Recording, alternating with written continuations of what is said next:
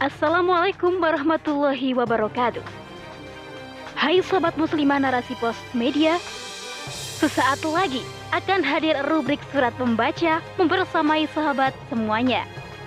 Tentunya bersama saya Dewi Fitriana. Surat pembaca kali ini berjudul Kala Islam Melindungi Nasab dan Nyawa oleh Gin Rizuka.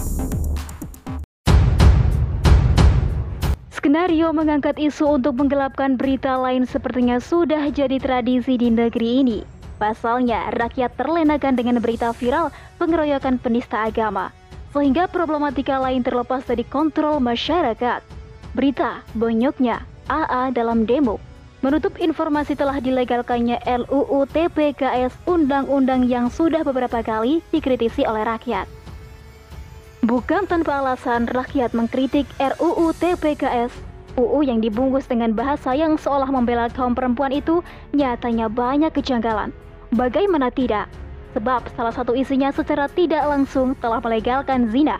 Contohnya pada pasal 4 ayat 2 yang berbunyi, bahwasanya negara akan memberikan sanksi pada orang yang melanggar kesusilaan yang bertentangan dengan kehendak korban. Ini artinya, jika negara menemukan orang berbuat zina, namun keduanya ridho, sanksi menjadi tidak berlaku untuk mereka. Bahkan perselingkuhan tanpa ikatan pernikahan pun bisa jadi akan dibiarkan. Hmm, wajar saja bila ini menuai kritik dari umat Islam, umat yang notabene mengetahui akan bahayanya zina. Karena bagi seorang muslim, zina merupakan perkara yang diharamkan. Zina merupakan dosa besar yang Allah murkai setelah dosa syirik dan membunuh tanpa hak. Jika membiarkan zina, berarti memunculkan masalah baru yang lebih pelik. Salah satu masalah baru yang akan muncul adalah masalah nasab. Anak yang lahir dari hasil zina tidak berhak mewarisi harta ayah biologisnya. Meski aturan ini sering kali ditabrak oleh masyarakat karena pemikiran yang masyarakat emban bukan pemikiran Islam.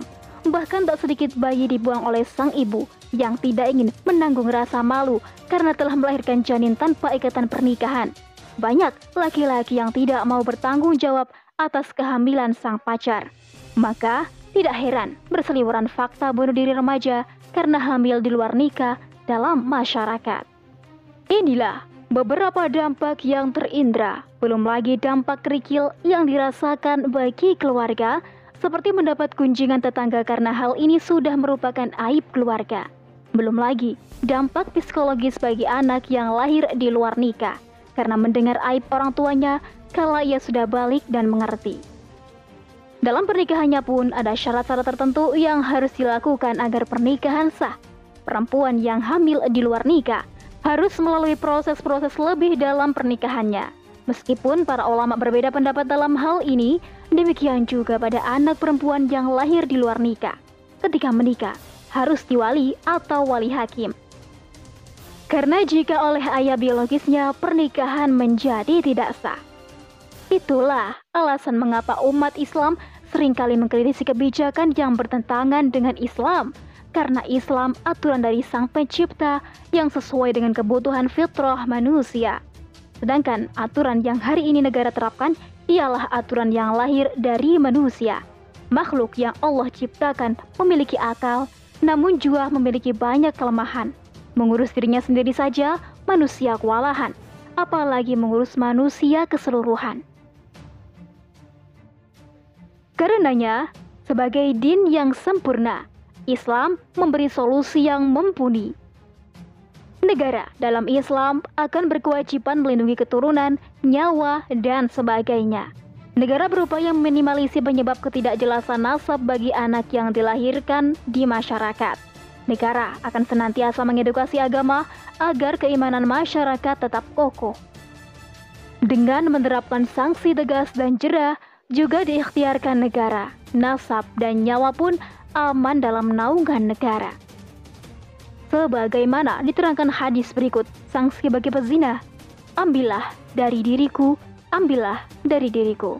Sesungguhnya Allah telah memberi jalan keluar atau hukuman untuk mereka pezina dijaga dan perempuan yang berzina hukumannya deras 100 kali dan pengasingan selama satu tahun.